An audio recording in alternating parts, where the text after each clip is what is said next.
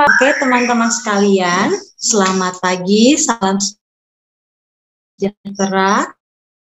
Assalamualaikum. Om Swastiastu, Nam Sampurasun, Ramposalo, Horas, Yowu Tabea, dan salam sejahtera bagi semuanya.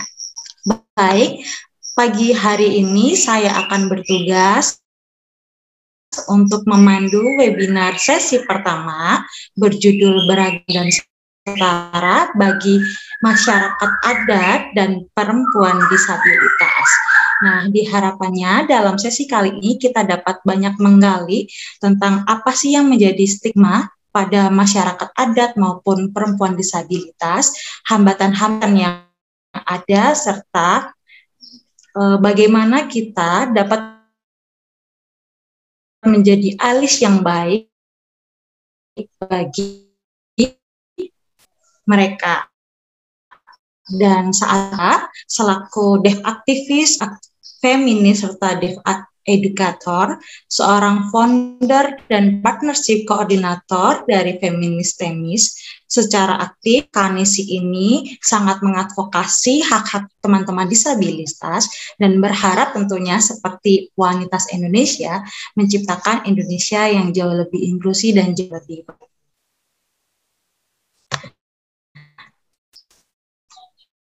baik. Pak Kanisi nih. Halo Kanisi, apa kabarnya?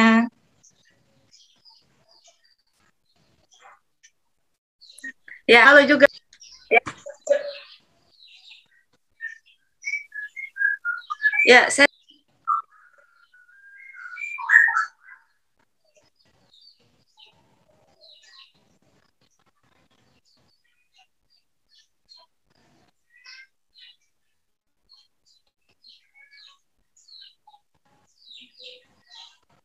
Oke, Kak. Maaf tadi uh, video juru bahasa isyaratnya agak sedikit freeze di saya, tapi sekarang sudah bisa lagi koneksinya.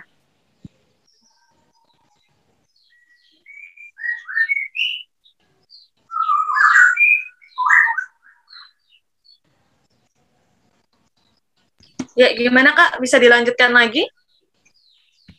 Ya, baik. Uh, tentunya kabar Kanisi sekarang baik-baik saja karena sudah bergabung dengan kita.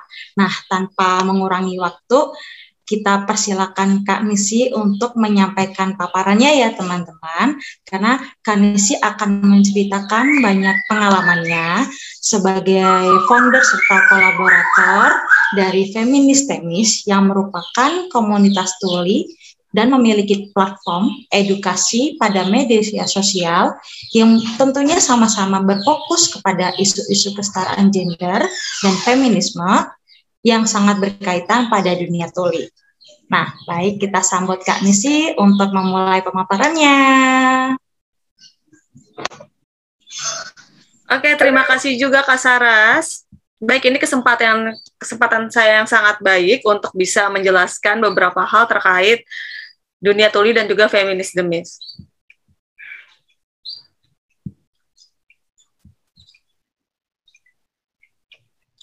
Oke, okay, ini saya yang share screen atau dari panitia yang akan share? Bisakah saya yang share screen sendiri? Oke, okay, panitia bisa take down share screen-nya. Kanisi akan melakukan share screen sendiri.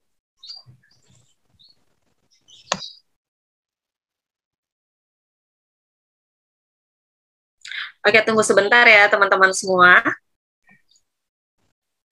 Baik, sembari menunggu Kanisi menyiapkan materinya. Nah, ini sudah muncul, teman-teman sudah boleh uh, apa namanya memulai menuliskan pertanyaan dalam fitur kolom chat atau nanti menggunakan fitur raise hand dan kami harapkan ketika sesi tanya jawab, teman-teman e, memberikan pernyataan atau pertanyaan yang relevan pada sesi moderator sesi webinar kali ini.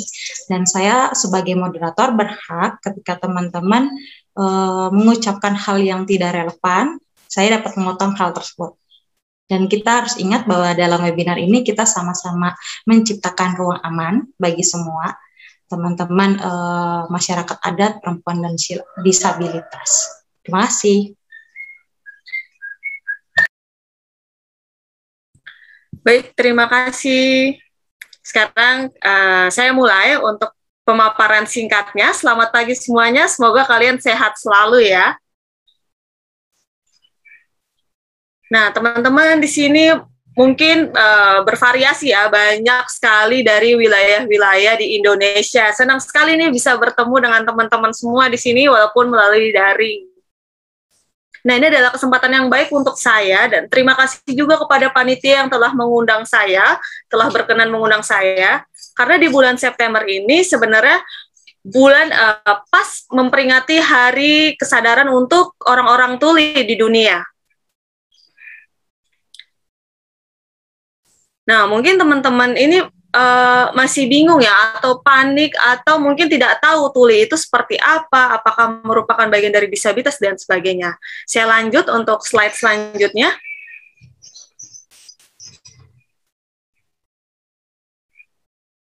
Oh ya, perkenalkan dulu ya. Perkenalkan nama saya Nisi, N-I-S-S-I, Nisi Taruli Felicia. Saya seorang perempuan tuli dan juga saya feminis juga nih. Saya juga bagian dari feminis demis. Feminis demis itu apa sih? Nah, sekarang kita coba next. Feminis demis itu kalau misalkan teman-teman bisa lihat di media sosial kami itu merupakan sebuah komunitas tuli, tetapi sebenarnya tidak hanya tuli aja sih. Jadi ada beberapa orang dengar juga terlibat jadi memperjuangkan isu-isu yang berkaitan dengan gender. Isu-isu tentang gender, bagaimana kesetaraan gender, bagaimana cara mencegah kekerasan seksual, dan semuanya itu relate atau berhubungan dengan dunia tuli. Kok bisa sih muncul adanya komunitas feminis demi sini? Nah, sebenarnya gini, kalau kita uh, bisa flashback lagi, Dulu kalau saya sendiri punya pengalaman e, berkaitan dengan kesehatan, tetapi sebenarnya untuk aksesnya itu masih sangat kurang lagi. Terus banyak sekali teman-teman yang menceritakan tentang kesetaraan gender seperti apa dan sebagainya, tetapi tidak semua teman-teman tuli ini memahami isu-isu yang berkaitan dengan feminis karena mereka tidak dapat akses informasinya secara mumpuni gitu, secara komprehensif. Kemudian dibangunlah komunitas feminis demis ini bersama dengan teman-teman tuli dan juga teman-teman teman-teman dengar yang ahli di bidangnya. Tetapi tidak hanya perempuan tuli saja, bervariasi juga. Kira-kira 50 75% itu semuanya orang-orang tuli yang terlibat di komunitas feminis demis ini.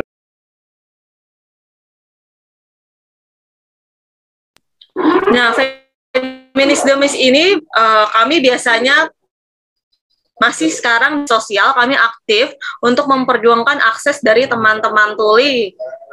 Terus ada beberapa teman dengar juga yang terlibat, tetapi mereka tuh bingung nih, bagaimana sih caranya untuk bisa uh, terlibat langsung di dunia tuli untuk memperjuangkan informasi berkaitan dengan gender atau misalkan feminis ini. Nah, kami akhirnya menjadi jembatan jembatan komunikasi antara teman-teman teman-teman tuli yang tidak memiliki akses ini melalui feminis demi Nah, teman-teman mungkin kalau bisa penasaran bisa langsung follow Instagram kami ya di @feminisdemis. Nah, sebelum memulai nih tentang dunia tuli, saya ingin menjelaskan tentang disabilitas dulu secara general atau secara umum. Di Indonesia sudah ada Undang-Undang Nomor 8 tahun 2016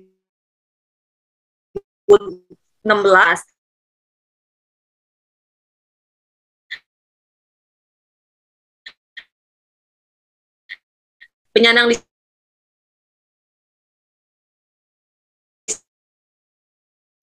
disabilitas itu ketika terjadi karena faktor lingkungan dan faktor dari masyarakat atau dari masyarakat. Seperti itu. Itu istilah dari disabilitas.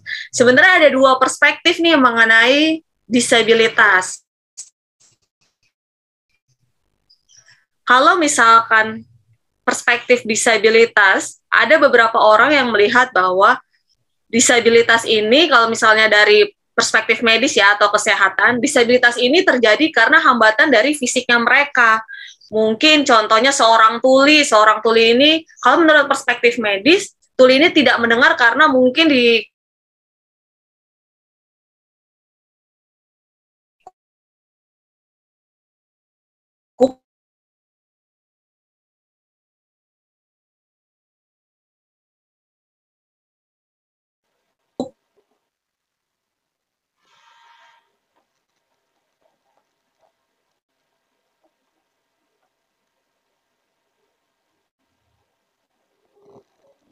kupingnya atau di pendengar.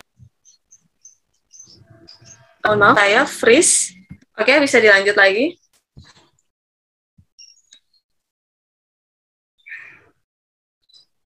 Oke, misalkan ada lagi uh, kakinya, disabilitas fisik karena kaki, mungkin kakinya tidak ada sehingga menyebabkan mereka menjadi hambat terhambat ketika berjalan dan sebagainya.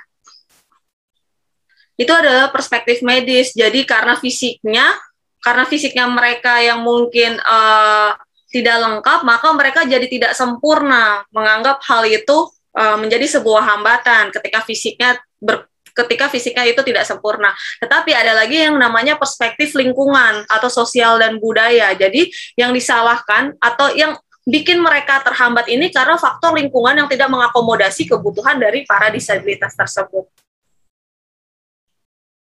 Kalau misalkan aksesibilitasnya tidak ada, seperti contohnya pengguna kursi roda atau wheelchair user, jadi ketika di dalam suatu gedung tidak ada rem atau tidak ada lift, maka disabilitas pengguna kursi roda ini tidak bisa naikkan ke atas. Nah, itu yang menyebabkan mereka jadi terhambat karena lingkungan sebenarnya, karena aksesnya. Kemudian lagi suara. Mungkin untuk eh, teman-teman netra mereka tidak bisa melihat tetapi mereka mengandalkan suara cuma karena di situasi tertentu tidak ada informasi uh, berhubungan dengan audio maka teman-teman disabilitas netra ini menjadi terhambat ketika uh, mendapatkan akses atau ketika melakukan sesuatu kegiatan. Jadi hal tersebut karena lingkungan yang menyebabkan mereka menjadi disabilitas. Nah, sekarang tadi sudah membahas disabilitas secara umum. Nah, sekarang gimana nih kalau tentang tuli? Mungkin teman-teman bisa menjawab. Bisa berdiskusi melalui chat. Nih pertanyaan dari saya. Dari teman-teman di sini ada nggak sih yang pernah berjumpa dengan teman-teman tuli? Mungkin ada yang mau cerita atau sharing bisa di kolom chat atau mungkin direct langsung. Kalau misalkan ada, Nah, cerita nih gimana kalian pertama kali first impression-nya bertemu dengan teman-teman tuli? Oh, ada yang pernah ya. Bagaimana dengan teman-teman lainnya?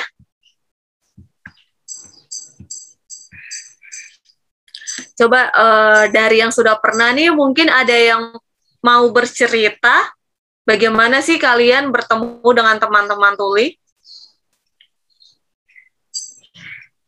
Pertama kali apa yang kalian lakukan untuk bisa berkomunikasi dengan teman-teman tuli tersebut?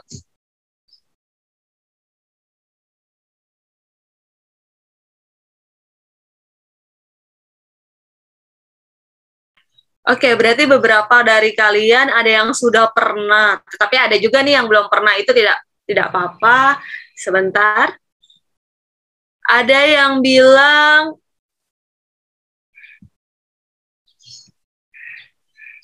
langsung uh, berbicara dengan keras ya.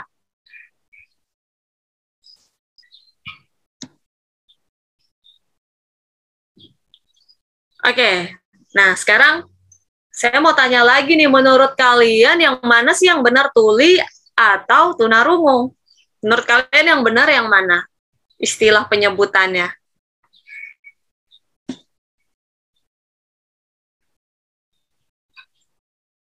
Nah, kalau misalnya kalian ada yang pilih istilah tuli yang benar, coba kalian bisa jelaskan alasannya apa sih kenapa harus tuli atau kenapa harus tunarungu. Mungkin ada alasannya. Wow, bervariasi ya. Ada yang bilang tunarungu, ada yang bilang tuli. Nah, terima kasih nih teman-teman yang sudah bantu menjawab di kolom chat. Sekarang uh, saya coba menjelaskan istilah tuli itu apa sih? Istilah tuli ini merupakan perspektif dari sosial budaya juga nih teman-teman.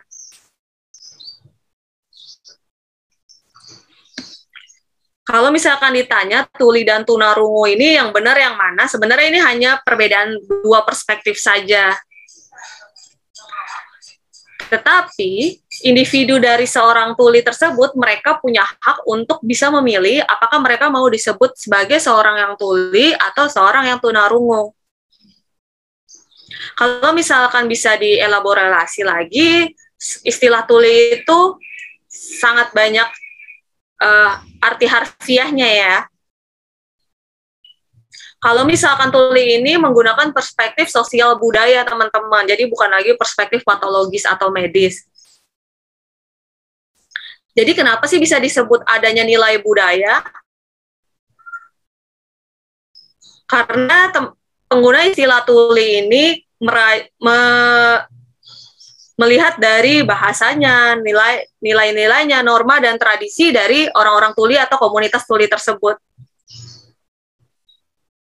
Jadi dengan penyebutan istilah tuli berarti seorang uh, komunitas tuli ini mereka bangga bahwa mereka ini seorang tuli. Tentunya T-nya ini dengan huruf tulinya, huruf T-nya harus dengan huruf kapital. Itu karena mengacu pada budaya seorang tuli. Atau bisa disebut juga dengan identitas dari seorang tuli. Sama mungkin seperti kalian, kalian kan punya nama ya. Nah, kalian kalau misalkan penulisan nama, pasti huruf depannya huruf kapital. Nah, sama halnya dengan tuli, istilah tuli, karena ini sebuah identitas dari orang tuli tersebut, mereka harus menggunakan istilah tuli dengan huruf T yang kapital. Kemudian, seorang tuli ini memiliki cara dan budaya yang berbeda dengan orang-orang dengar lainnya. Ada yang disebut juga dengan budaya tuli. Kalau misalkan kalian disebutnya dengan orang-orang yang mendengar, disebutnya juga dengan budaya dengar. Kalau misalnya tuli, disebutnya juga dengan budaya tuli. Pun bahasanya berbeda. Kalau kami sebagai komunitas tuli, kami menggunakan yang namanya bahasa isyarat Indonesia atau yang biasa disingkat dengan Bisindo. Seperti itu. Jadi ada perbedaan ya di sini. Kemudian kalau misalkan tunarungu, Mungkin ada beberapa tadi yang menjawab tentang tunarungu ya. Kalau misalnya tunarungu, jadi itu sebenarnya perspektifnya seperti rusak ya, bahwa ini seperti lebih ke perspektif maupun kesehatan, bahwa seseorang ini adalah pribadi seseorang yang rusak, maka dia harus diperbaiki. Maka harus ada imbas supaya pembenaran itu Nah, ada orang-orang mengatakan bahwa itu kata-kata tunarungu itu kata-kata yang lembut. Seperti itu. Nah, banyak orang yang bilang itu sopan kata-katanya tunarungu itu sopan, itu lebih baik. Menurut saya malah tidak sama sekali. Tunarungu itu merupakan seperti perspektif yang menyatakan bahwa kami adalah orang manusia yang rusak. Bahwa kami harus berusaha menjadi orang yang sembuh bahwa perspektifnya adalah pribadi yang rusak. Pokoknya kami bisa sebagai orang yang rusak. Seperti itu. Nah, perspektifnya jadi bukan uh, menghormati dan bukan bukan lagi mengapresiasi kami, tetapi menganggap kami yang lebih yang lebih yang lebih rendah daripada yang lain karena perspektifnya rusak. Makanya kami lebih menghargai dan diapresiasi menjadi seorang tuli dipanggil. Tetapi sebetulnya disesuaikan kembali uh, balik beberapa orang identitasnya sangat bervariasi ya, karena tuli tersebut juga bervariasi identitasnya. Ada yang menarik kan? Karena ternyata dunia tuli itu ternyata beragam, bervariasi. Kalau kita lihat. Jadi sebenarnya tuli itu luas sekali sebetulnya. Kalau misalnya contohnya, identitasnya pun berbeda-beda. Berarti aksesnya yang dipilih pun akan berbeda kembali perbedaan akses bagaimana? Kenapa bisa seperti itu? Nah, karena ada beberapa memang aksesnya memang hanya butuh bahasa isyarat. Ada beberapa yang terkait visual gitu. Akhirnya visual, akhirnya dia membutuhkan akses di rumah Atau ada teman-teman tulis yang dari kecil dia sudah berkembang dengan menggunakan bahasa Indonesia. Jadi tumbuh dan berkembang menggunakan bahasa Indonesia jadi teks visual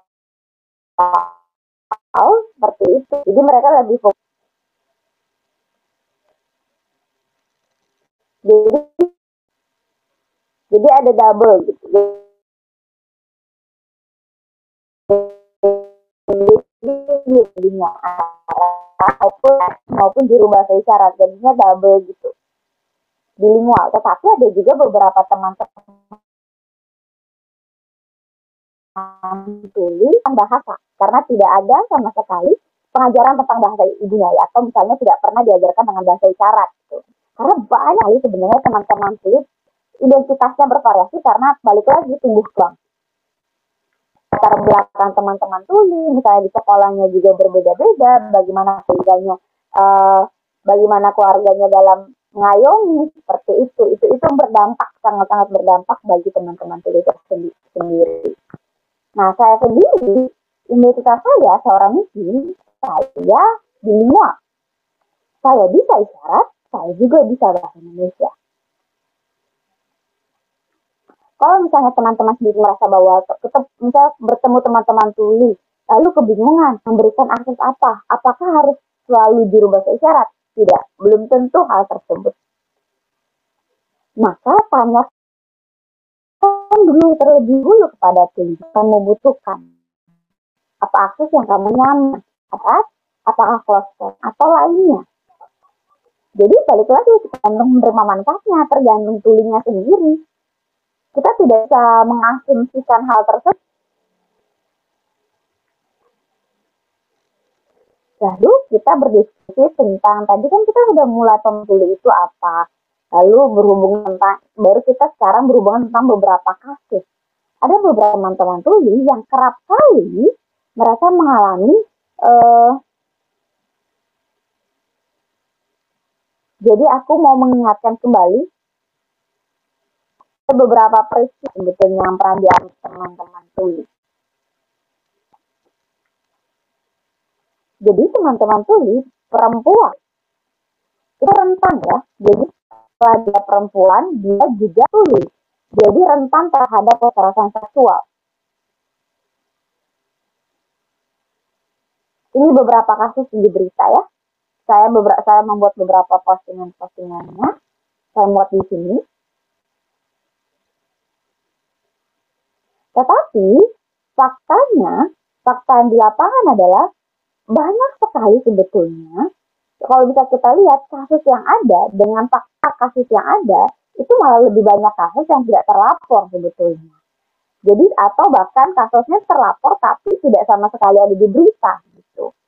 Nah, karena fakta yang dalam situasi lingkungan, pelaporan-pelaporan yang diterima itu kerap kali juga mendapat hambatan kembali gitu. Misalnya pertanyaan, contohnya seperti ini beberapa buktinya ya.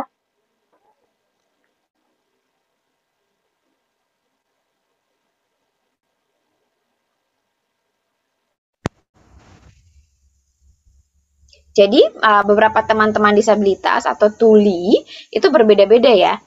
Jadi hambatannya sering sekali kami sering sekali mengalami hambatan. Balik lagi, hambatan akses. Hambatan akses ini sangat-sangat sulit bagi kami. Nah, terkhusus untuk teman-teman tuli, beberapa kasus-kasus yang kami alami itu hambatannya adalah satu. Salah satunya adalah bahasa isyarat. Seperti ini yang saya lingkarkan, bahasa isyarat.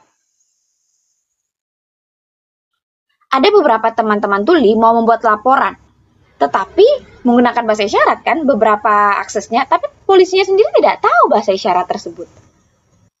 Jadi bah akhirnya yang ada bahasanya karena bahasanya terhambat akhirnya tidak bisa sama sekali terlapor gitu. Atau beberapa balik lagi latar belakang juga uh, berhubungan dengan bahasa isyarat itu masih banyak beberapa kasus yang berhubungan dengan hal-hal tersebut. Nah, aku sendiri, bayanganku, kalau setiap orang bisa bahasa isyarat, mungkin cara pelaporan atau misalnya kasus-kasus yang ada akan bisa lebih ditangani.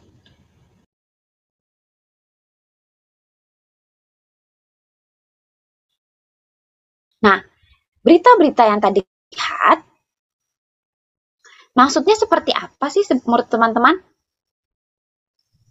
Nah, jawabannya bahasa, identitas, latar belakang, pengalaman, itu berbeda-beda dan bervariasi dan itu berdampak dalam kekerasan seksual sebetulnya. Saya pernah dapat cerita dari seorang teman, dia tuli, lalu dia tidak memahami apa-apa gitu. Jadi dia diajak di tempat malam ke ke hutan malam-malam oleh temannya dipikir mau diajak main-main sama beberapa teman-teman dengar dipikir seperti itu gitu. Waktu diajak ternyata karena teman ini sangat-sangat polos pada saat diajak itu ternyata hampir mau diperkosa. Tapi untungnya masih si si perempuannya masih bisa lari. Itu salah satu kasus ya contohnya.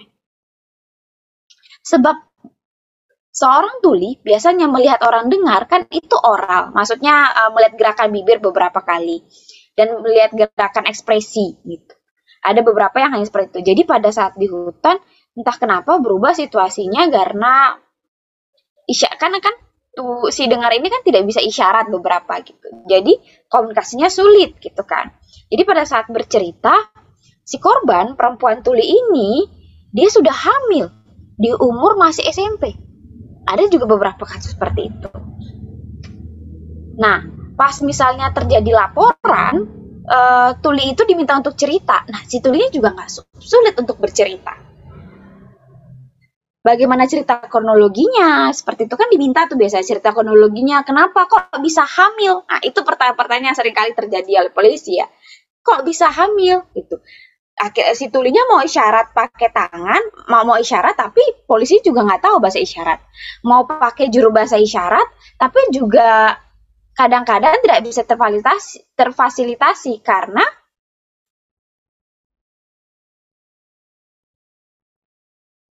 karena balik lagi ya, JB itu bukan pendamping. JB itu bertugas sebagai akses informasi jembatan informasi antara turi dan dengar, tapi bukan pendamping. Nah, tetapi kerap kali polisi menyatakan ya udah kamu harus bawa, bawa JBI dok. Lah ini kan keterbutuhan laporan. Nah, hal-hal seperti itu yang sering kali terjadi dan itu berdampak juga pada identitas.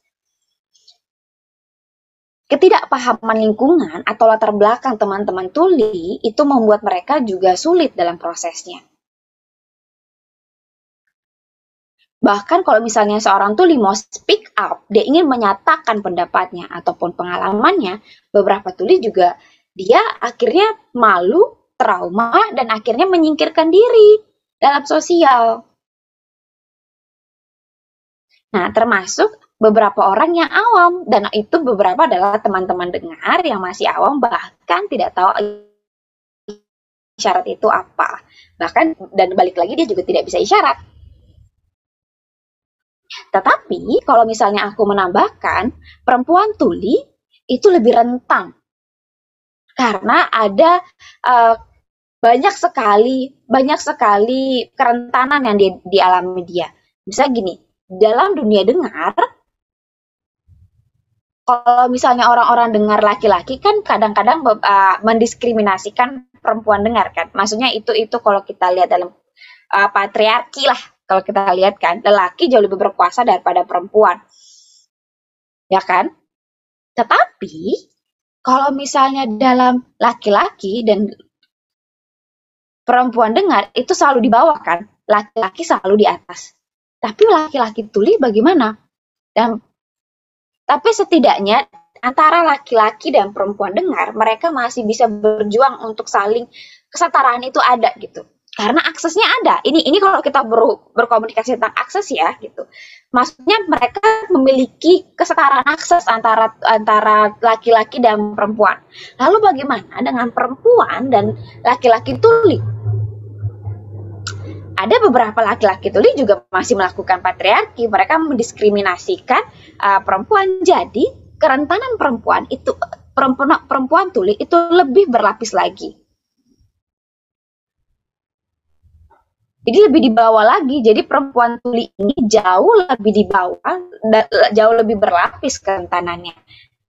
Karena balik lagi, balik lagi si tuli ini memiliki bahasa minoritas dan lain-lain. Jadi jauh lebih rentan kalau kita bilang, jauh lebih berlapis kerentanannya. Nah, kenapa perempuan tuli lebih rentan? Pertama adalah mereka sudah menerima stigma atas identitasnya sebagai tuli keterbatasan akses, termasuk pendidikan, pengetahuan, ilmu, pekerjaan, kesehatan, dan lain-lain. Akses ini tidak diterima sama sekali. Banyak sekali tuli menghadapi hambatan tersebut, hal-hal tersebut. Informasi yang didapat oleh tuli itu sangat-sangat terbatas. Atau misalnya kalau tidak ada akses informasi, lalu bagaimana akhirnya dia tahu bahwa harus harus apa? Atau misalnya terjadi audism, di lingkungan. Apakah teman-teman tahu istilah ini, audism? Jadi ini syaratnya, audism. Audism itu maksudnya apa sih?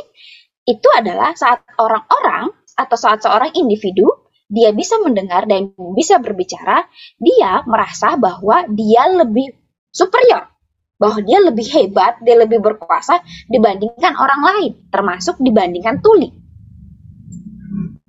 Hal ini terjadi karena banyak sekali orang-orang yang bisa berbicara ataupun orang-orang bisa mendengar itu merasa mereka jauh lebih sukses dibandingkan tuli. Ketiga, itu adalah minimnya kesempatan. Bahkan bisa dibilang tidak ada kesempatan dilihat. Hmm, karena tadi ya, perspektif adanya keterhambatan. Misalnya contohnya saat orang melihat tuli, biasanya langsung berbeda sikapnya langsung langsung menyatakan, wah aku tidak bisa bertemu orang ini, aku tidak bisa berkomunikasi. Pasti langsung ada pernyataan tersebut.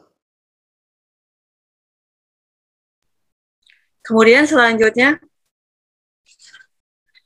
kemudian selanjutnya adanya stigmatisasi sebagai perempuan karena mungkin sering kali ya kita yang terutama perempuan ini sering kali disuruh untuk di rumah saja jadi tidak boleh pergi dan sebagainya. Terus ada juga stigma karena adanya patriarki. Jadi kedudukan dari seorang laki-laki ini lebih tinggi daripada seorang perempuan.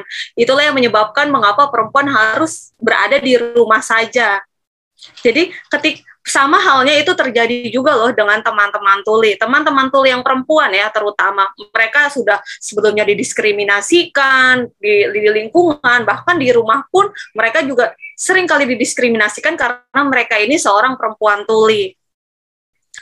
Bukti atau fakta yang di fakta di lapangan terjadi banyak sekali tuli eh banyak sekali laki-laki tuli mereka mengenyam pendidikan yang lebih tinggi dibandingkan tuli perempuan. Jadi memang sangat sulit sekali. Kemudian ya yang tadi sudah uh, saya jelaskan mengenai patriarki. Jadi patriarki ini sangat mengakar sekali. Mungkin di lingkungan orang dengar patriarki itu terjadi ya, tetapi kalau di lingkungan tuli itu terjadi dua kali lipat lebih besar. Kemudian adanya ketidakberdayaan karena orang tua yang memiliki anak-anak tuli, mereka sangat overprotective, overprotective dengan anaknya itu karena anak tersebut seorang tuli. Jadi anak-anak tuli ini tidak berkuasa akan haknya, akan dirinya. Sudah tuli, terus pas itu di keluarga mereka e, mendapatkan proteksi yang sangat over dan sebagainya. Itu yang menyebabkan orang-orang tuli tersebut tidak berdaya. Kemudian hubungan antara masyarakat adat dan tuli. Ini sebenarnya menarik sekali ya untuk bisa saya jelaskan ke teman-teman semua di sini. Jadi kan tentang tuli ya, tentang tuli, tentang diskriminasi yang sudah saya, yang sudah saya jelaskan sebelumnya. Nah, sekarang ternyata ada loh, mungkin di pulau seberang lah bisa dikatakan seperti itu. Jadi ada masyarakat adat yang di mana di dalam satu kampung itu, satu wilayah itu, itu di wilayah Bali, di desa Kolok, di Bengkala, itu ada semua masyarakatnya yang tinggal di desa Kolok tersebut, ini syarat Kolok seperti ini. Jadi di desa Kolok ini rata-rata mereka orang tuli semua. Jadi mostly mereka tuli semua. Jadi mungkin bisa tuli bisu, karena mereka sangat gestural sekali dan sangat visual sekali.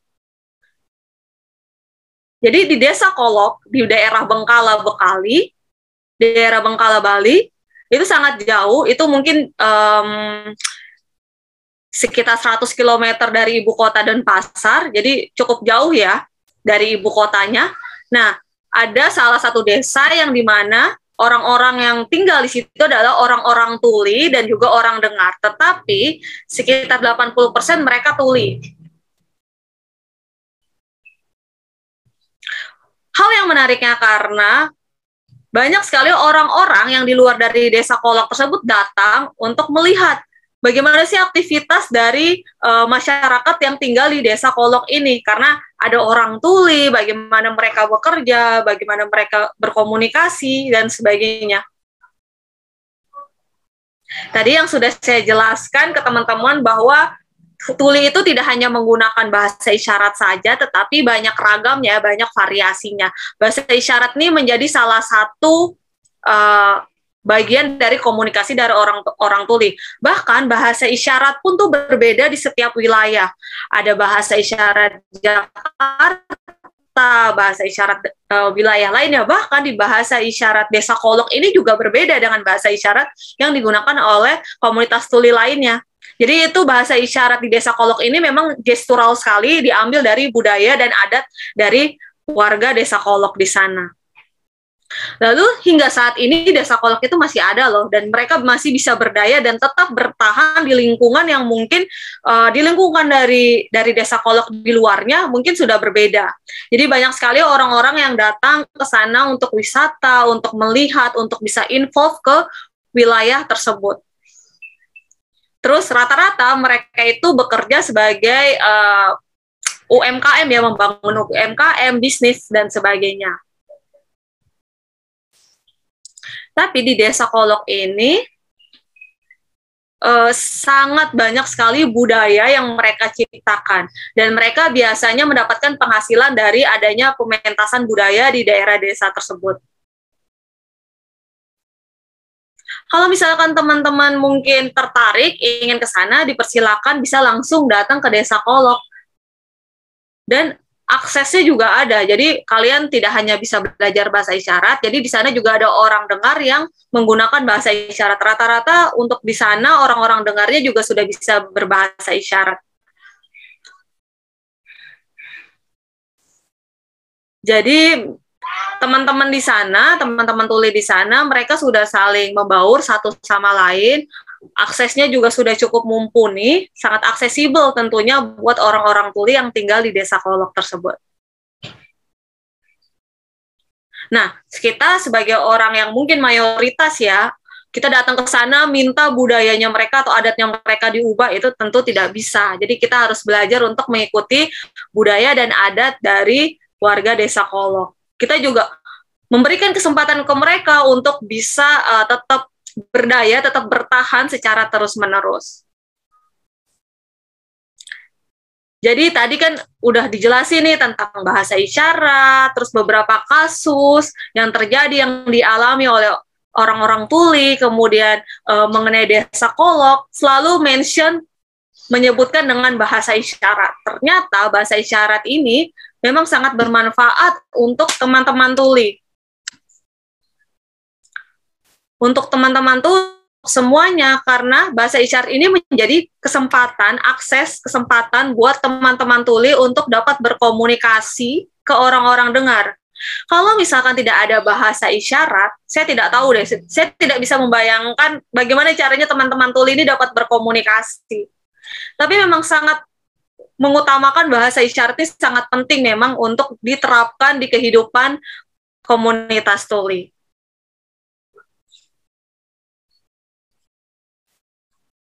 Hambatan yang terjadi untuk teman-teman tuli karena ini ada tujuh ya, jadi tidak ada akses visual. Maksudnya teman-teman tuli ini memang di, titik tumpunya di visual. Visualisasinya harus jelas sehingga teman-teman tuli bisa dapat uh, menyerap informasi karena adanya visual. Terus sering kali tidak ada akses teks, tidak tidak disediakan juru bahasa isyarat. Kemudian banyak sekali masyarakat yang menganggap bahwa orang-orang tuli ini tidak memiliki kemampuan. Dan tadi yang saya sudah katakan bahwa sangat penting sekali pendidikan. Jadi sampai sekarang ini teman-teman tuli untuk mengenyam pendidikan masih sangat sulit ya. Misalkan ada, itu juga kayak sekarang sekolah sudah ada yang namanya sekolah luar biasa SLBB, tapi itu sebenarnya belum mengakomodir semua kebutuhan dari teman-teman tuli yang sekolah di SLB tersebut. Karena sebenarnya teman-teman tuli ini sangat butuh yang namanya pendidikan bilingual, maksudnya yaitu dengan menggunakan bahasa isyarat dan juga menggunakan bahasa tulisan atau teks bahasa Indonesia, itu yang disebut dengan bilingual.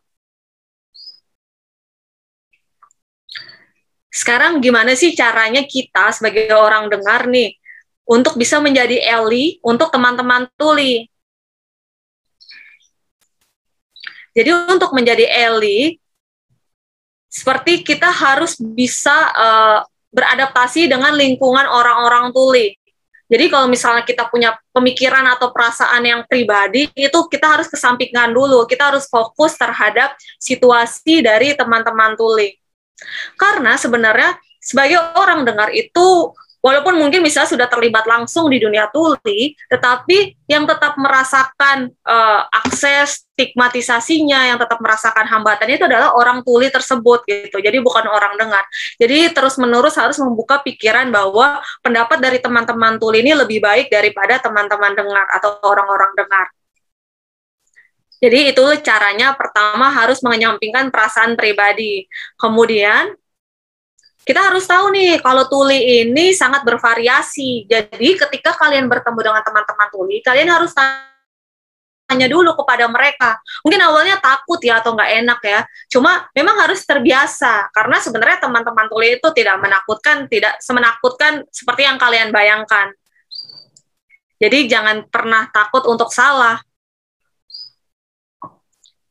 kalau misalkan kalian tanya kepada teman-teman tuli, nah kalian sudah tahu nih akses yang tepat buat mereka itu seperti apa karena ya tadi seperti yang sudah saya katakan bahwa tuli itu bervariasi. Ada tiga akses nih buat teman-teman tuli. Pertama akses visual, akses teks, dan juga akses juru bahasa isyarat. Misalkan kalian ingin membuat konten di media sosial atau mungkin ada acara konferensi, yang mungkin melibatkan orang-orang tuli. Nah, kalian harus kasih tahu ke mereka akses apa yang paling mereka butuhkan. Jadi, paling lengkap sih tiga-tiganya ya dikasih ya. Baik itu teks, visual, dan, ju dan juga juru bahasa isyarat. Mungkin ke depannya kalian membuat acara dan sebagainya, atau misalkan membuat campaign, nah wajib tuh kalian memberikan tiga akses tersebut akses tersebut yang akan dapat memberikan informasi kepada teman-teman tulis secara full, secara penuh. Dengan adanya hal tersebut, berarti kalian sudah ikut mengakui bahwa keberadaan bahasa isyarat Indonesia itu sangat penting buat komunitas tuli. Jadi tidak perlu lagi mengolok-olok uh, bahwa bahasa isyarat ini sebuah apa ya kok um, bercandaan gitu mengolok-olok bahwa bahasa isyarat Indonesia itu mungkin bahasa Tarzan wah itu itu sebenarnya sangat tidak sopan sekali ya itu sangat menyinggung komunitas tuli yang menggunakan bahasa isyarat Kemudian ya yang tadi sudah saya katakan kalian harus terlibat langsung atau terjun langsung ke, ke dunia tuli. Jadi kalian bisa belajar langsung ke mereka karena mereka adalah penutur asli bahasa isyarat. Jadi bisa melihat, oh ternyata orang-orang tuli ketika berkomunikasi seperti ini. Dan kalian bisa tahu ragam dominasi yang terjadi yang dihadapi oleh teman-teman tuli. Nah, kalian bisa langsung terlibat di dunia tuli itu. Kemudian yang terakhir yaitu selalu mendukung dari adanya komunitas dan juga bisnis dari teman-teman tuli. Kalau kalian ketahui, bisnis teman-teman tuli itu sangat banyak sekali loh. Cuma mungkin kurang uh, kurang terekspos ya. Karena memang teman-teman tuli sulit sekali mendapatkan pekerjaan. Jadi mereka rata-rata mereka membangun usahanya sendiri. Jadi sebagai entrepreneur. Nah, kalian ketika sudah tahu ada bisnis dari teman-teman tuli, jangan lupa untuk didukung untuk mereka bisa tetap bertahan. Semoga teman-teman semua yang di sini bisa menjadi Eli untuk teman-teman tuli dan dapat bermanfaat. Terima kasih. Terima kasih. telah mendengarkan, telah menyimak dari presentasi saya. Terima kasih banyak.